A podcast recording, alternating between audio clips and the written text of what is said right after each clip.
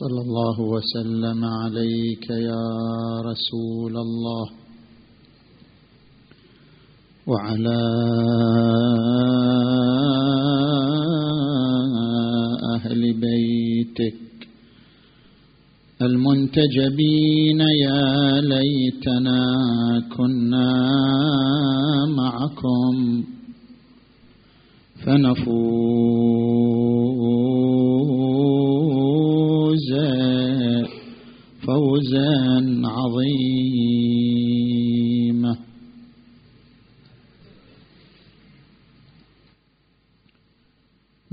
من يلهه المرديان المال والأمل لم يدر ما المنجيان العلم والعمل. خذ رشد نفسك من مرآة عقلك لا بالوهم من قبل أن يغتالك الأجل فالعقل معتصم والوهم متهم والعمر منصرم والدهر مرتحل. يا منفق العمر في عصيان خالقه أفق فإنك من خمر الهوى ثمل. تعصيه لا أنت في عصيانه وجل من العقاب ولا من منه خجل. أنفاس نفسك أثمان الجنان فهل تشري بها لهبا؟ في الحشر يشتعل مطل الانام هي الأيام تحملهم. إلى المنون وإن حلوا أو ارتحلوا لا يولد المرء إلا فوق غاربها. يحدو به للمنايا سائق عجل.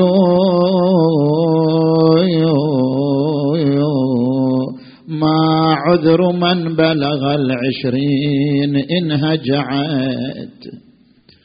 عيناه أو عاقه عن طاعة كسلوا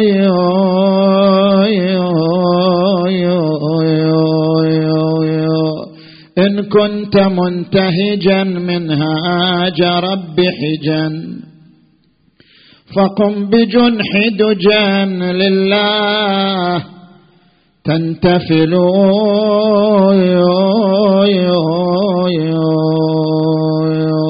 ألا ترى أولياء الله كيف قلت؟ طيب الكرى في الدياجي منهم المقل يدعون ربهم في فك عنقهم من رق ذنبهم والدمع منهمل. خمص البطون طوان ذبل الشفاه ضمان عمش العيون بكان.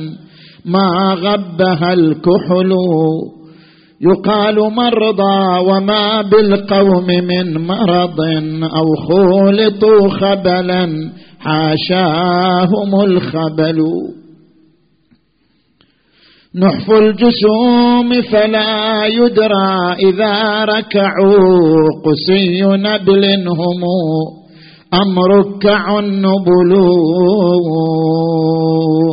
إن يصمتوا فكروا أو ينطقوا ذكروا أو يغضبوا غفروا أو يقطعوا وصلوا أو يظلموا صفحوا أو يسألوا سمحوا أو يوزنوا رجحوا أو يحكموا عدلوا ولا يلم بهم عن دأبهم لمم ولا يميل بهم عن وردهم ميل ولا ولا يسيل لهم دمع على بشر إلا على معشر في كربلاء.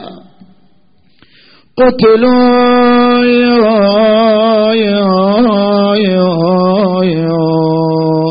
قوم برغم العلا فوق الثرى نزلوا وقد أعد لهم في الجنة النزل. تنسي المواقف أهليها مواقفهم بصبرهم في البرايا يضرب المثل. يو يو يو سد إذا اتسقوا أسد إذا افترقوا شهب إذا اخترقوا الآلاف واقتتلوا. لكن لكن ذاقوا الحتوف بأكناف الطفوف. على رغم الأنوف ولم تبرد لهم. غللوا يو يو. أفد الحسين أفد الحسين صريعا لا صريخ له. إلا ضرير نصول فيه تنتصل. وحق رأسك المقطوع يا الشمس المضية. للحشر ما ننسى مصابك والرزية. ننسى يا يا يا وسهم الصاب قلبك يا ذرانا ذلنا يا يا وفت قلوبنا ونكس لوانا. وتقطيع جسمك بالثرى فتت أمعانا وخيل وطد صدرك على حر الوطية. داست يا بن طه على صدور المحبين. بقلوبنا ننساك عارب غير. تكفين وذبح الطفل ننساه هذا محال يا حسين وما ينسى ركوب الوديعة على المطيع. أعوذ بالله من الشيطان الغوي الرجيم.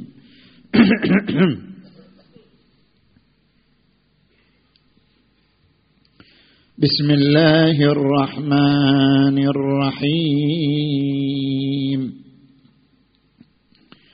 يا أيها المزمل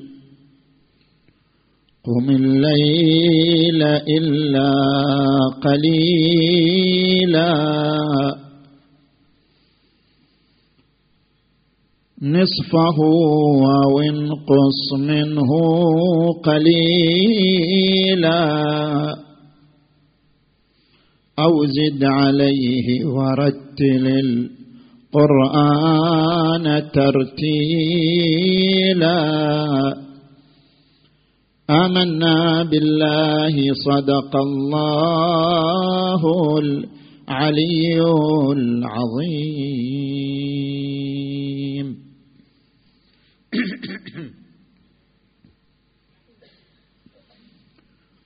انطلاقا من الآية المباركة نتحدث في عدة محاور. في حاجة الإنسان إلى العبادة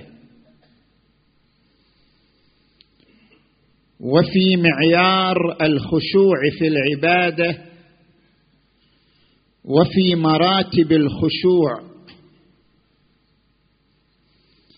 المحور الأول إن الله جعل الهدف من وجود الإنسان هو العبادة. فقال تبارك وتعالى وما خلقت الجن والإنس إلا ليعبدون فهل العباده هدف ينسجم مع طبيعة الإنسان وفطرة الإنسان؟ إن كل هدف لا ينسجم مع طبيعة الإنسان يتحول إلى هدف فاشل. وإن الهدف الذي ينسجم مع طبيعة الإنسان وميول الإنسان هو الهدف الفاعل هو الهدف المؤثر. الإنسان إذا اختار تخصصا لا ينسجم مع طبيعته. دخل الطب أو دخل الفيزياء وهذا التخصص لا ينسجم مع طبيعته لا ينسجم مع ميوله. لن ينجح في هذا التخصص لن يبدع لن يتألق. لأنه هدف لا ينسجم مع ميوله لا ينسجم مع طبيعته. لن يكون هدفا فاعلا في حياته. سيمارسه بمنطلق الوظيفة لا بمنطلق التفاعل والرغبة والمحبة. لأجل ذلك يأتي السؤال هل العباده هدف ينسجم مع طبيعتنا؟ ينسجم مع ميولنا حتى نمارس العبادة ممارسة تفاعل لا ممارسة وظيفة لا ممارسة ثقل ومسؤولية. هل العبادة هدف تنسجم مع ميول الإنسان وطبيعة الإنسان؟ نعم. العبادة هي تلبية لحاجات فطرية طبيعية ملحة في داخل كيان الإنسان. لأجل ذلك جعل الله الهدف من وجودنا العبادة. ما هي هذه الحاجات الطبيعية التي نحاول أن نشبعها عن طريق العبادة؟ الحاجة الأولى حاجة الإنسان إلى نزع روح القلق والهلع من داخل روحه. القرآن الكريم يقول إن الإنسان خلق هلوعا إذا مسه الشر جزوعا وإذا مسه الخير منوعا. الإنسان بطبعه هلع قلق يتخوف من الحياة يتخوف من الأمراض يتخوف من الرزق يتخوف من الموت. الإنسان بطبعه يعيش حالة من القلق والهلع. فما هو العلاج؟ من أين يكتسب الإنسان الاستقرار الهدوء الاطمئنان؟ من أين ينتزع الإنسان حالة الهلع والقلق التي تحدق به دائما؟ السبيل الوحيد لاقتلاع حالة القلق وحالة الهلع هو العبادة هو الصلاة هو التي هي التي يقول عنها تبارك وتعالى والذين آمنوا وتطمئن قلوبهم بذكر الله ألا بذكر الله؟ تطمئن القلوب. إنما المؤمنون الذين إذا ذكر الله وجلت قلوبهم وإذا تليت عليهم آياته زادتهم إيمانا وعلى ربهم يتوكلون.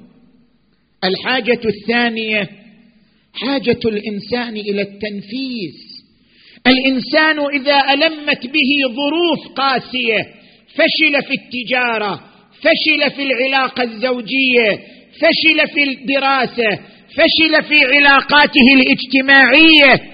إذا أحدقت به الهموم احتاج إلى التنفيس احتاج إلى أن يتحدث احتاج إلى أن يبرز ما في داخله. كي لا يختنق بحياته كي لا يعيش حالة اختناق واقتتال. كذلك الإنسان إذا أحدقت به الذنوب وأحدقت به المعاصي ورأى نفسه مسرفا في الأخطاء مسرفا في الرذائل فإنه يصاب بالغم والهم فيحتاج إلى التنفيس يحتاج إلى أن يتحدث أن يتحدث عن ذنوبه عن رذائله عن معاصيه يحتاج إلى الخلوة بربه. ليتكلم عن ذنوبه وعن معاصيه. إن كثيرا منا إذا اغتم يرى أن الراحة في النوم النوم راحة مؤقتة ستعود إلى الغم إذا جلست من النوم. ليس النوم يعطيك راحة من الغم الذي يعطيك راحة من الغم أن تقوم الليل أن تخلو بربك. أن تناجي إلهك. يا أيها المزمل قم الليل إلا قليلا. أنت تحتاج إلى قيام الليل لتعبر عما في نفسك لتبرز ما في جوانحك. قم الليل إلا قليلا. نصفه أو انقص منه قليلا. أو زد عليه. راحتك أن تقوم الليل أن تناجي ربك. وليس راحتك أن تنام وليس راحتك أن تنسى عبر النوم أو انقص منه قليلا أو زد عليه ورتل القرآن ترتيلا.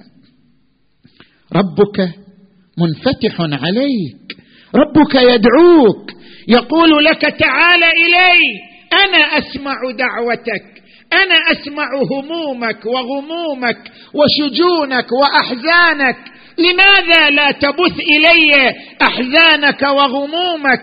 وإذا سألك عبادي عني فإني قريب. أجيب دعوة الداعي إذا دعاني فليستجيبوا لي وليؤمنوا بي لعلهم يرشدون. الحاجة الثالثة حاجة الإنسان إلى قوة الإرادة. نحن نخوض الحياة. الحياة صعبة. الحياة متعبة. الحياة مليئة بألوان من المصائب من الابتلاءات من النوائب. ليست الحياة سعيدة عند أحد اطلاقا. ليس الغني مرتاحا في حياته. وليس الفقير مرتاحا في حياته وليس العالم وليس الجاهل وليس الكبير وليس الصغير الكل يشكو من تعب الحياة تعب كلها الحياة. فما أعجب إلا من راغب في ازدياد ويقول القرآن الكريم انا خلقنا الانسان من نطفه امشاج نبتليه. الإنسان في معرض الابتلاء دائما. فجعلناه سميعا بصيرا. أنت أمام ابتلاءات الحياة. تحتاج إلى إرادة. تتحدى بها قساوة الحياة تتحدى بها أعاصير المصائب تتحدى بها قسوة الظروف. كيف تكتسب الإرادة التي تتحدى بها الحياة وقسوتها وخشونتها وصعوبتها؟ إن هذه الإرادة تكتسبها من الصلاة. إن هذه الإرادة تكتسبها من العبادة واستعينوا بالصبر والصلاة وإنها لكبيرة إلا على الخاشعين. الصلاة عونك على تقوية الإرادة ومقاومة مصاعب الحياة وشدائد الحياة. فلا تترك صلاة الليل ولا تنس هذا المنبع الوافر الذي يمدك بقوة الإرادة وبقوة التحدي لمصاعب الحياة وهمومها وغمومها. الحاجة الرابعة حاجة الإنسان إلى إلهامات روحية. أنت تسير في الحياة والحياة مسيرة متشعبة. إذا لم يكن هناك إلهامات روحية تدلك على الطريق سوف تزل سوف تنحرف سوف تميل. أنت تحتاج إلى إلهامات إشراقات روحية من الله تبارك وتعالى. هذه الإلهامات التي تدلك على الطريق من أين تكتسبها؟ والذين جاهدوا فينا لنهدينهم سبلنا. الله يقول لك أنه سيهديك إذا أصررت على العبادة.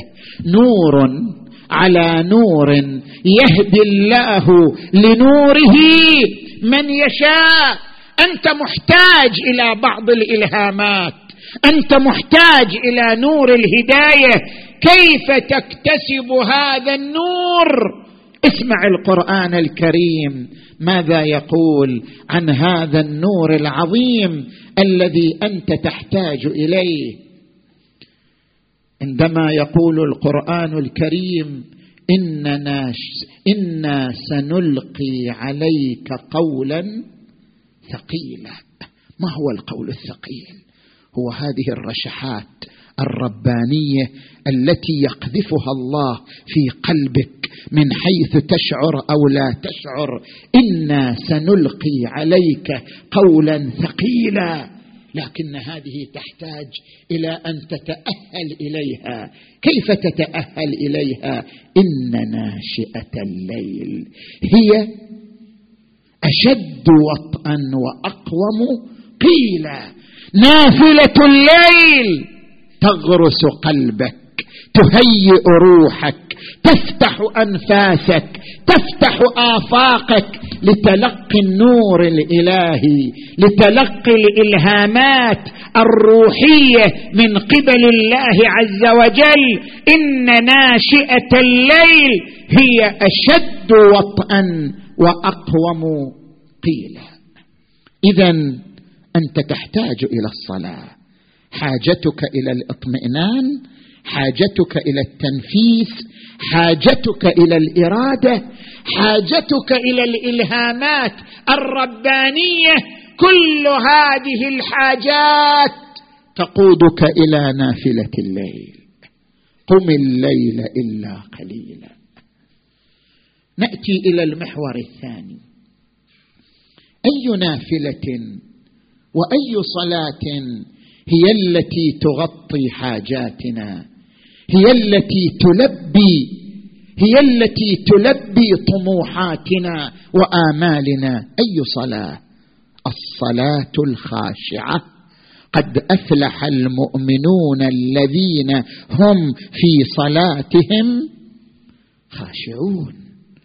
ما هو الخشوع؟ الخشوع هو التسليم والاستسلام ومن آياته أنك ترى الأرض خاشعة مستسلمة لله.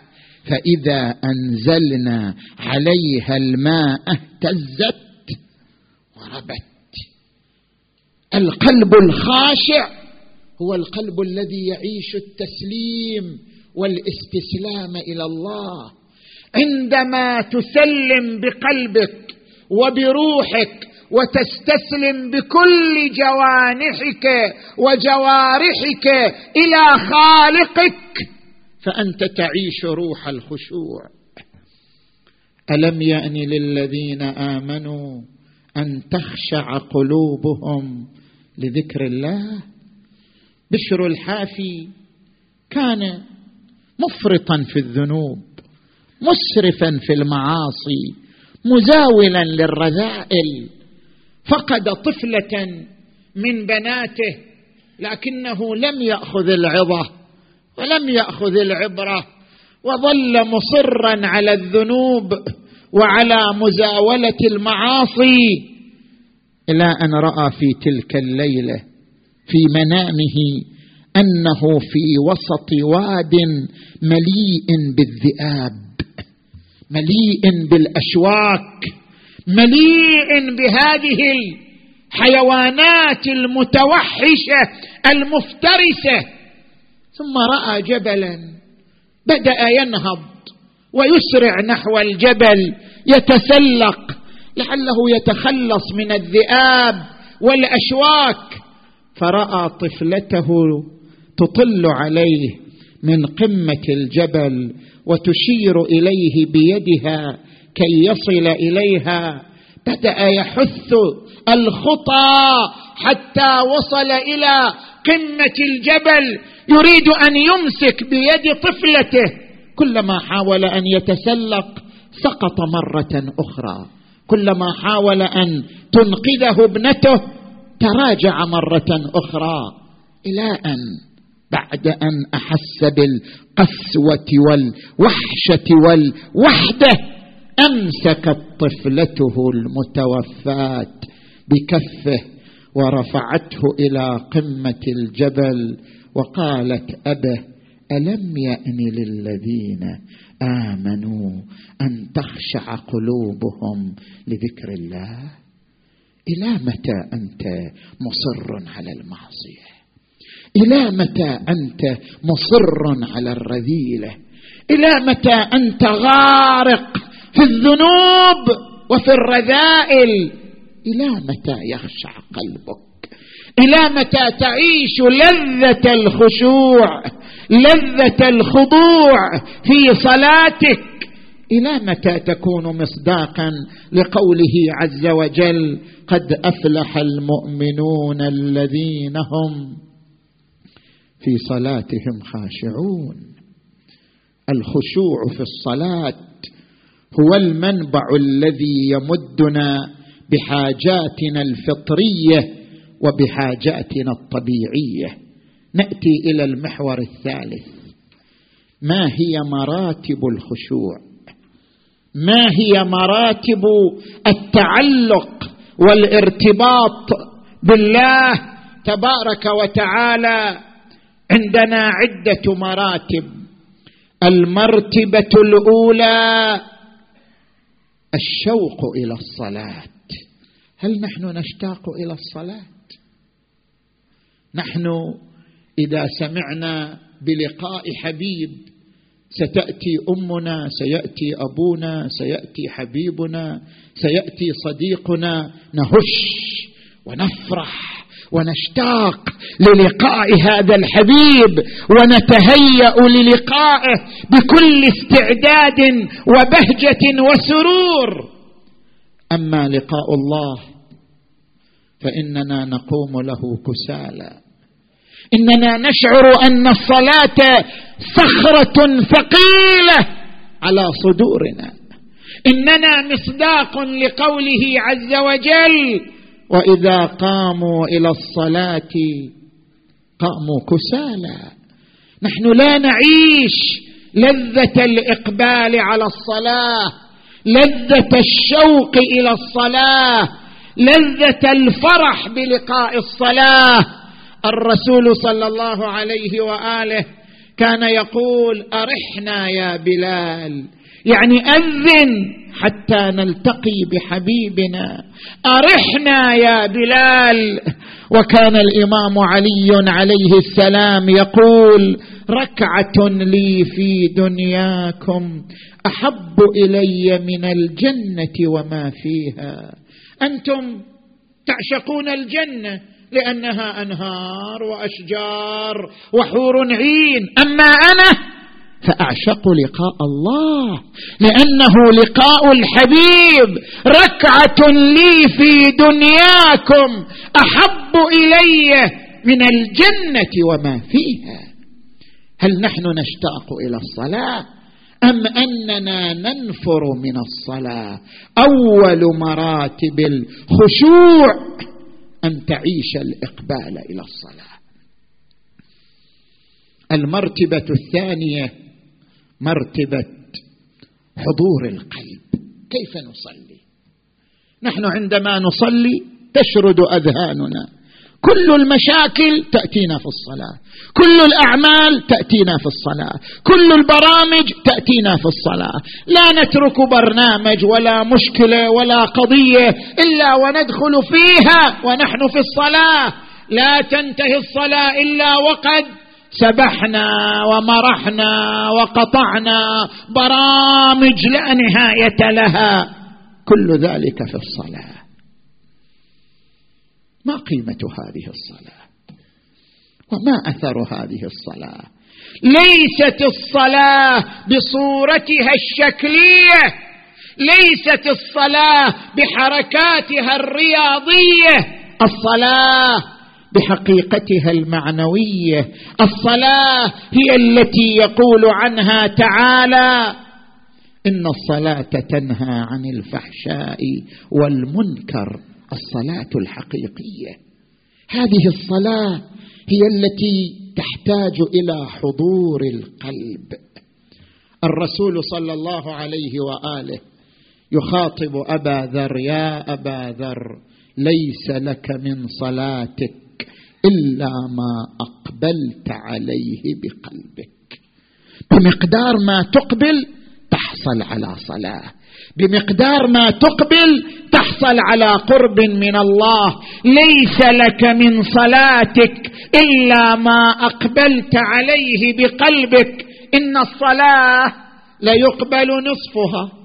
أو ثلثها أو ربعها أو عشرها وإن من الصلاة لما يلف كما يلف الثوب الخلق البالي ثم يضرب بها وجه صاحبها.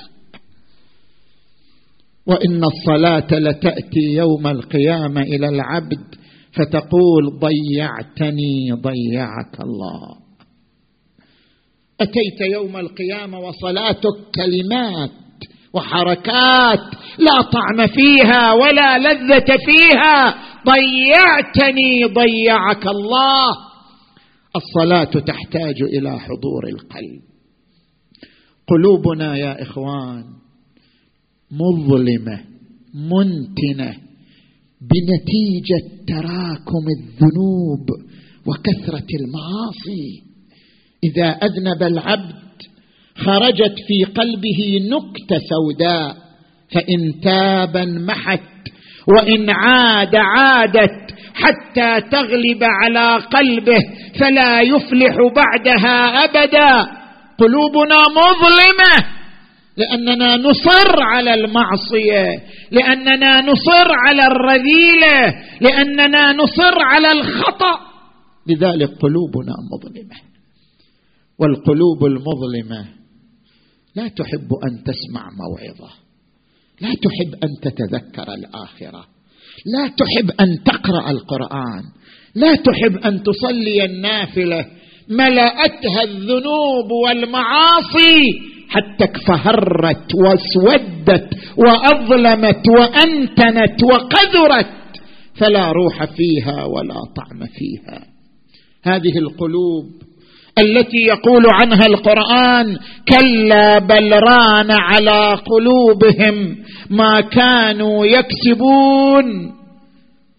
وورد عن النبي صلى الله عليه وآله إنه ليغان على قلبي.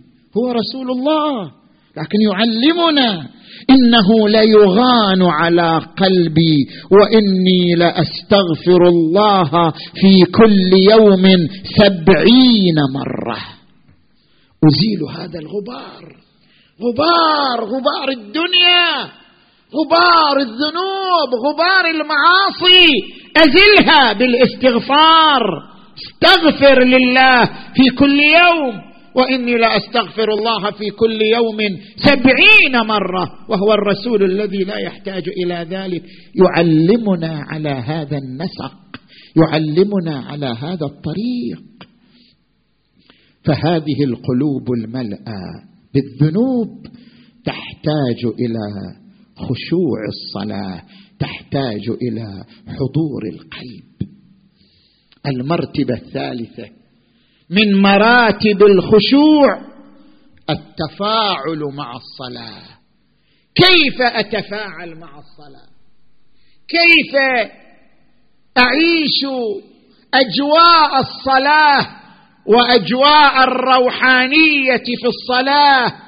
هناك زاويتان أركز عليهما حتى تعيش الأجواء الروحية للصلاة.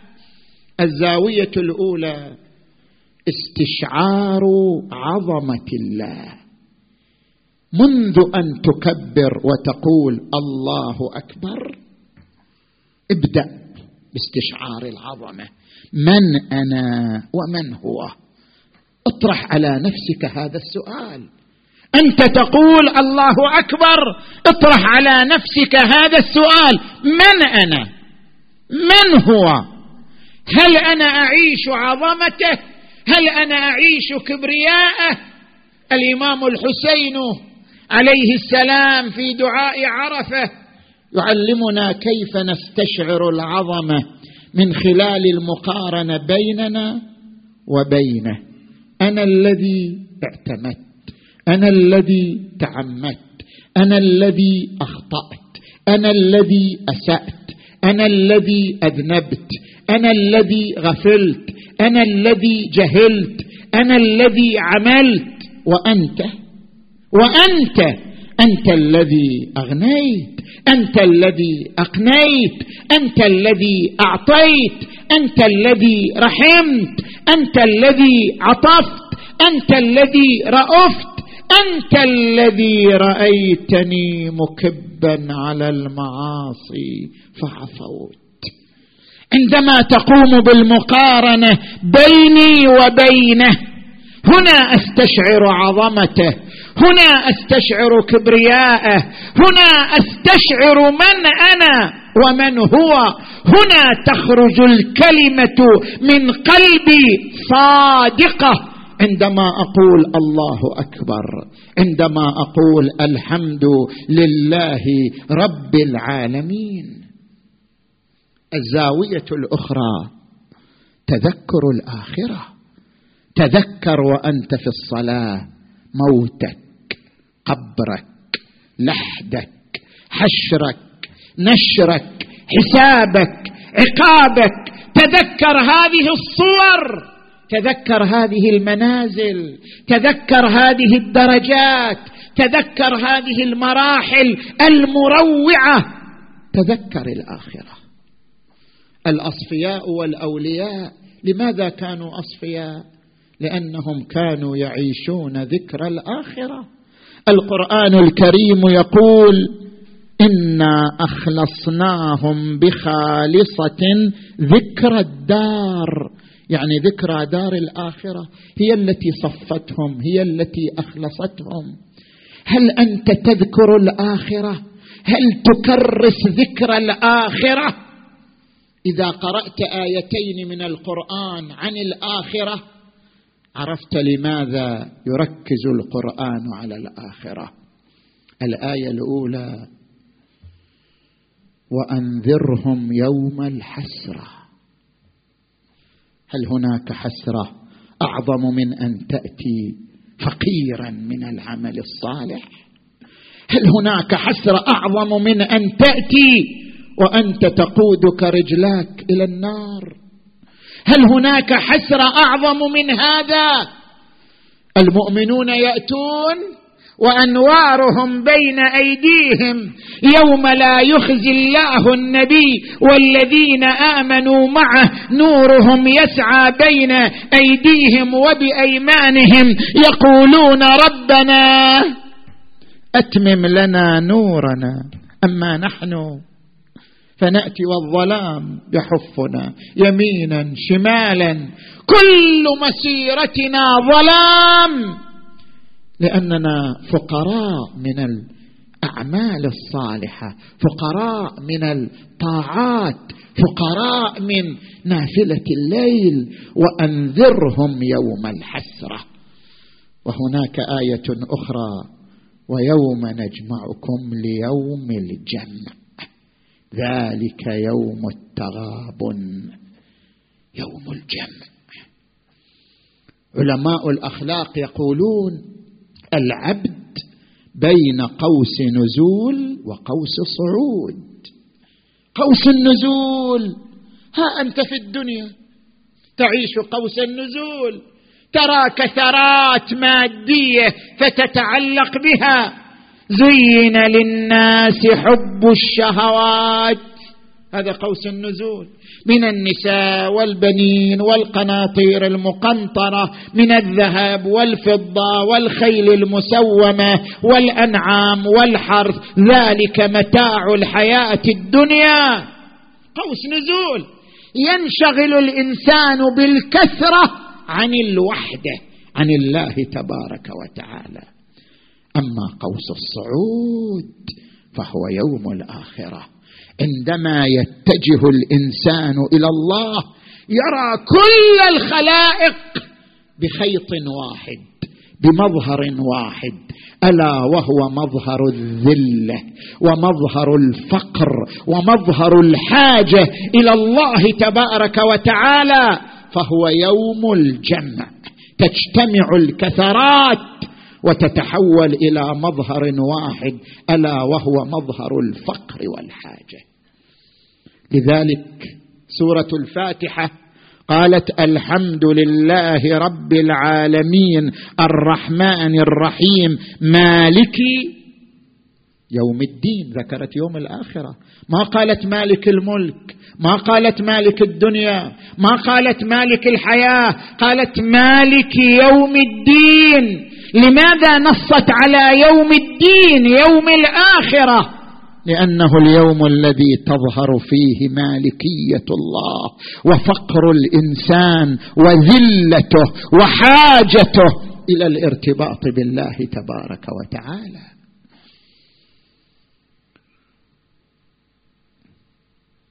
المرتبة الرابعة مرتبة الحياء. أليس في قلوبنا ذرة من الحياء؟ هناك إنسان يخاف ويقول إني أخاف إن عصيت ربي عذاب يوم عظيم. هناك إنسان يعيش طاقة روحية من خلالها ينجذب إلى نافلة الليل. لكن هناك إنسان لا يخاف. ليس عنده طاقة روحية لكنه على الأقل يستحي يخجل. يخجل أن يمر شهر رمضان وهو لم يصلي صلاة الليل. يخجل أن تمر ليلة الجمعة وهو لم يصلي صلاة الليل. يخجل أن تمر الليالي وهو لا يقرأ الدعاء. يخجل من نفسه. وإن لم يكن عنده خوف ولا طاقة روحية لكنه على الأقل يخجل من ربه. يستحي من ربه. وإن تعدوا نعمة الله لا تحصوها. كم أنعم علينا كم دفع عنا من بلاء كم رحمنا. ألا نخجل مقابل ذلك أن نصلي نافلة الليل أن ندعو أن نقرأ القرآن أن نعمر شهر رمضان بالعبادة. أما نخجل من أنفسنا. رسول الله صلى الله عليه وآله سيد الخلق يقول عنه عبد الله بن مطرف. وكان إذا صلى النافلة يسمع له أزيز كأزيز المرجل الذي يعج من غليان الماء. صدره فيه أزيز حنين حنين إلى الله حنين من الآخرة. وكان يقف بين يدي الله حتى تنتفخ قدماه من طول الوقوف بين يدي الله. فيقال لماذا؟ وأنت سيد الخلق أشرف الخلق. فيقول إني لأستحي من ربي. أفلا أكون عبدا شكورا؟ هذا رسول الله صلى الله عليه وآله يعلمنا على مرتبة من الخشوع. ألا وهي مرتبة الحياء؟ المرتبة الخامسة مرتبة الرجاء. المذنب على قسمين. مذنب مستخف بالذنوب. لا يبالي. كلما سمع الموعظة قال أوه! فكنا من هذا الكلام. دعنا نعيش لذتنا. دعنا نعيش حياتنا. العمر طويل والآخرة بعدين. وبعدين نتوب إلى ربنا. لا تكدر علينا حياتنا ولا تنغص علينا معيشتنا. إنسان مستخف بالذنوب. لا مبالي. الرسول صلى الله عليه وآله يخاطب مثل هذا الإنسان أعبد الله كأنك تراه فإن لم تكن تراه فإنه يراك. وإن لم تكن فإن لم تكن ترى أنه يراك فقد كفرت. وإن كنت ترى أنه يراك ثم برزت له بالمعصية فقد جعلته من أهون الناظرين إليك. نحن نخجل من آبائنا وأمهاتنا وأصدقائنا أن يعرفوا معاصينا ولكننا لا نخجل من جبار السماء. الإمام الحسن الزكي كان إذا توضأ للصلاة ارتعدت فرائصه واصفر لونه فقيل ما بك يا سيد شباب أهل الجنة؟ قال أتدرون أني أقف بين يدي من؟ إنني أقف بين يدي جبار الجبابرة وملك الملوك. وكان إذا وقف على باب المسجد وقف مطأطئا رأسه حزينا وقال إلهي مسكينك ببابك أسيرك بفنائك يا محسن قد أتاك المسيء أنت المحسن وأنا المسيء يا محسن تجاوز عن قبيح ما عندي بجميل ما عندك يا كريم. هناك إنسان مستخف بالذنوب وهناك إنسان غلبته الشهوة فأذنب غلبته الغريزة فأخطأ أثرته الدنيا فزل. هذا الإنسان الذي ليس مستخف بالذنوب ليس مستخف بالمعاصي يرجو رحمة الله. إذا عاش في صلاته رجاء من الله. عاش في صلاته استمطارا لرحمة الله. توجه بقلبه وقال إن صلاتي ونسكي ومحياي ومماتي لله رب العالمين. كلي لك يا الله أرجوك أسترحمك أستعطفك أستقيلك أستتيب بين يديك. إذا توجه إلى الله توجه الرجاء وصل إلى هذه المرتبة من الخشوع ألا وهي مرتبة الرجاء. هذه المرتبة يعبر عنها إمامنا زين العابدين علي عليه السلام في دعاء أبي حمزة في مثل هذه الليالي الشريفة.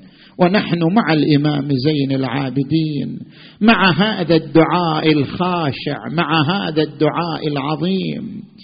إلهي ما عصيتك إذ عصيتك وأنا بك شاك. ولا بنكالك جاهل ولا لعقوبتك متعرض ولا بأمرك مستخف لكن ماذا حصل؟ ولكن سولت لي نفسي وأعانني عليها شقوتي وغرني بذلك سترك المرخى علي فأنا الآن اريد تخرج من قلبك هذه الكلمات؟ فأنا الان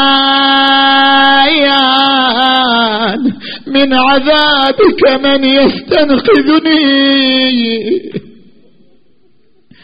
وبحبل من أتصل. إن قطعت حبلك عني. فواس وأتاه غدا. من الوقوف بين يديك. إذا قيل للمخفين جوزوا وللمثقلين حطوا. أمع المخفين أجوز. أم مع المثقلين أحاط ويحي ويحي كلما طال عمري كثرت خطاياي. أما آن لي أن أستحيا من ربي. بعد بعد اقرأ هالكلمات تذكر الآخرة. إلهي وارحم في هذه الدنيا غربتي. وعند الماء يا يا يا يا كربتي وفي القبر. وحدتي وفي اللحد وحشتي وإذا نشرت للحساب بين يديك ذل موقفي واغفر لي ما خفي على الآدمين من عملي وأدم لي ما به. سترتني بعد بعد إلهي. كلكم أريدكم بصوت واحد مع الإمام ها. إلهي وارحمني صريعا على الفراش. تذكر حالة الموت حالة الاحتضار. وارحمني صريعا على الفراياش تقلبني أيدي أحبتي.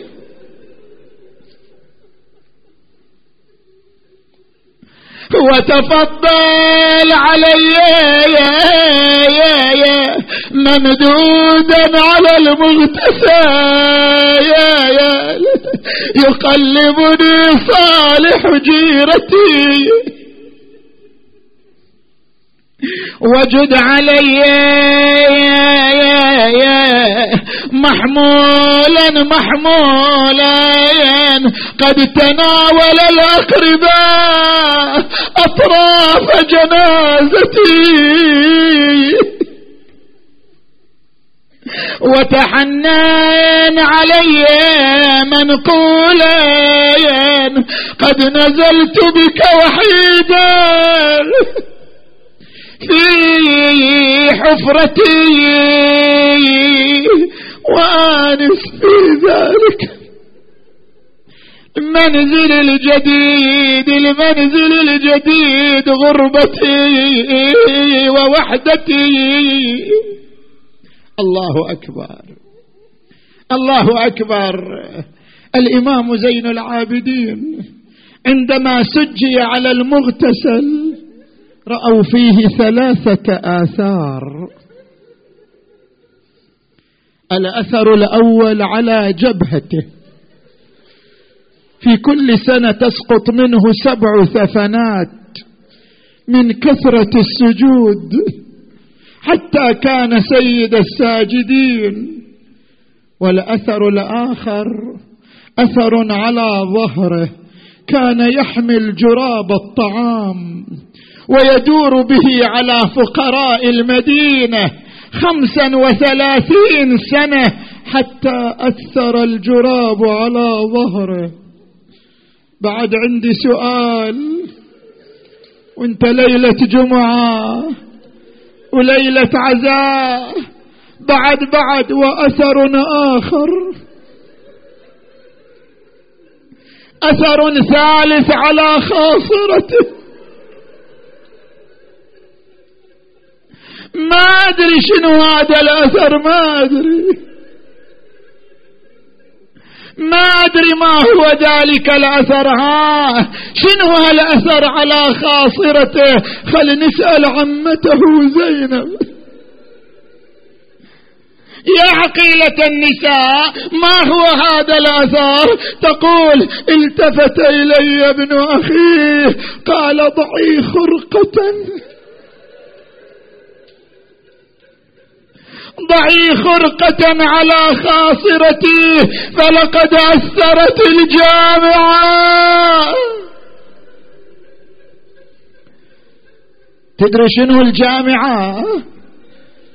حديد مربوط بالمسامير توضع على صدره وتغل يداه وتقيد رجلاه. الله أكبر. أنا ابن حماة الخلق في كل موطني. أنا ابن حماة الخلق في كل موطني بناء آل بيت المصطفى. دين قد بني أبعد استلام الناس. كعبة مسكني. انت قول وياه أقاد ذليل لن في دمشق من الزنج عايا بدون غاب عايا نصير يقول زين العابدين أدخلوني على يزيد بن معاوية. شلون أدخلوك؟ وقد ربط الحبل في عنقي وعنق عمتي زينب. الله يساعدها الله يساعدها ها. وكلما قصرنا عن المش ضربونا وألمونا حتى أوقفت عمتي بين يدي يزيد بن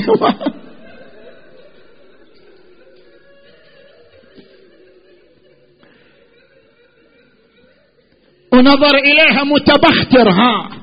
بنت علي وفاطمة واقفة بين يديه والحبل في عنقها. نظر إليها متبختر قالت له إن كان هذا يشفيك.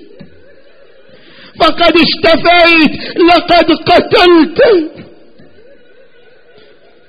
كهلي واجتثثت أصلي. أنا لا والد لي ولا عم ألوذ به ولا أخ لي بقي. أرجو ذو رحمي. أخي ذبيح ورحلي قد أبيح ويلي يا أخوي حسين راسك حين شفته. هذه المصيبة العظمى. ها يرفع المنديل عن رأس أخيها ويتناوله بخيزرانه يا أخوي حسين راسك حين شفته تلعب عصا يزيد على شفته. شفته يا يا أنا ذاك الوقت خدي لطمته وصديت لبحرقه ولمته شلت يمينك يا ضربته اي والله شلت يمينك يا يا يا يا يا يا, يا, يا, يا يا يا يا الضرب يا يا يا يا يا وأعظم ما يشجي الغيور دخولها إلى مجلس ما بارح اللهو والخمر.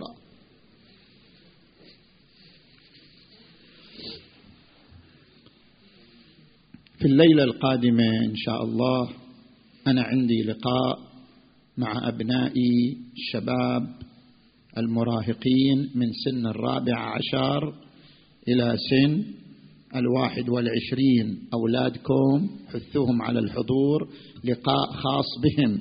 عندي لقاء خاص مع هذه الطبقة من الشباب من الرابعة عشر إلى الواحد والعشرين. بعد المجلس سيكون مجلس مختصر في الليلة القادمة. بعد المجلس إن شاء الله ألتقي مع أولادي لقاء خاص. مع هؤلاء الطبقة من أولادنا وشبابنا حفظهم الله. إن شاء الله تحثونهم على الحضور إن شاء الله تعالى. اللهم صل على محمد وآل محمد. بسم الله الرحمن الرحيم. أمن يجيب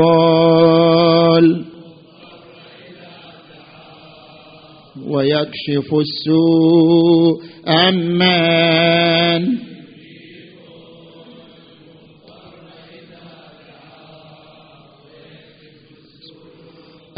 أمن يجيب المضطر إذا دعاه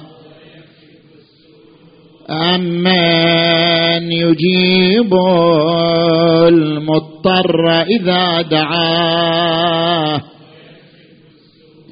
أمن يجيب المضطر إذا دعاه. عشر مرات بصوت عالي يا الله يا الله.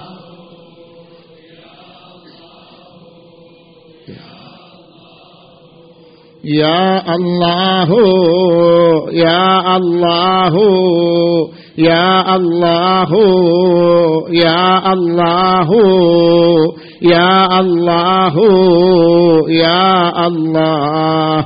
اللهم باسمك العظيم الأعظم الأعز الأجل الأكرم. يا الله.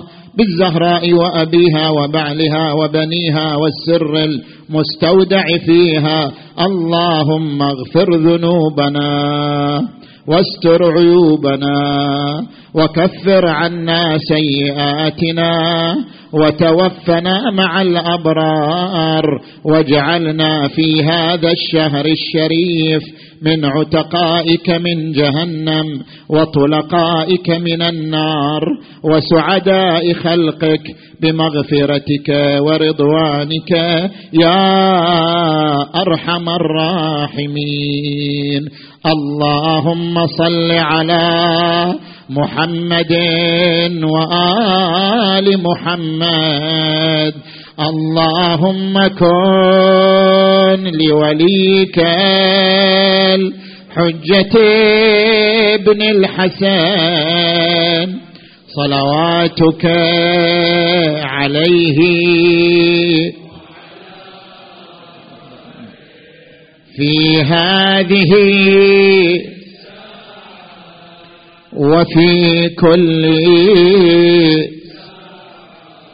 وليا وقائدا ودليلا حتى تسكنه أرضك طوعا وتمتعه فيها طويلا. برحمتك يا أرحم الراحمين. وإلى أرواح أمواتكم وأموات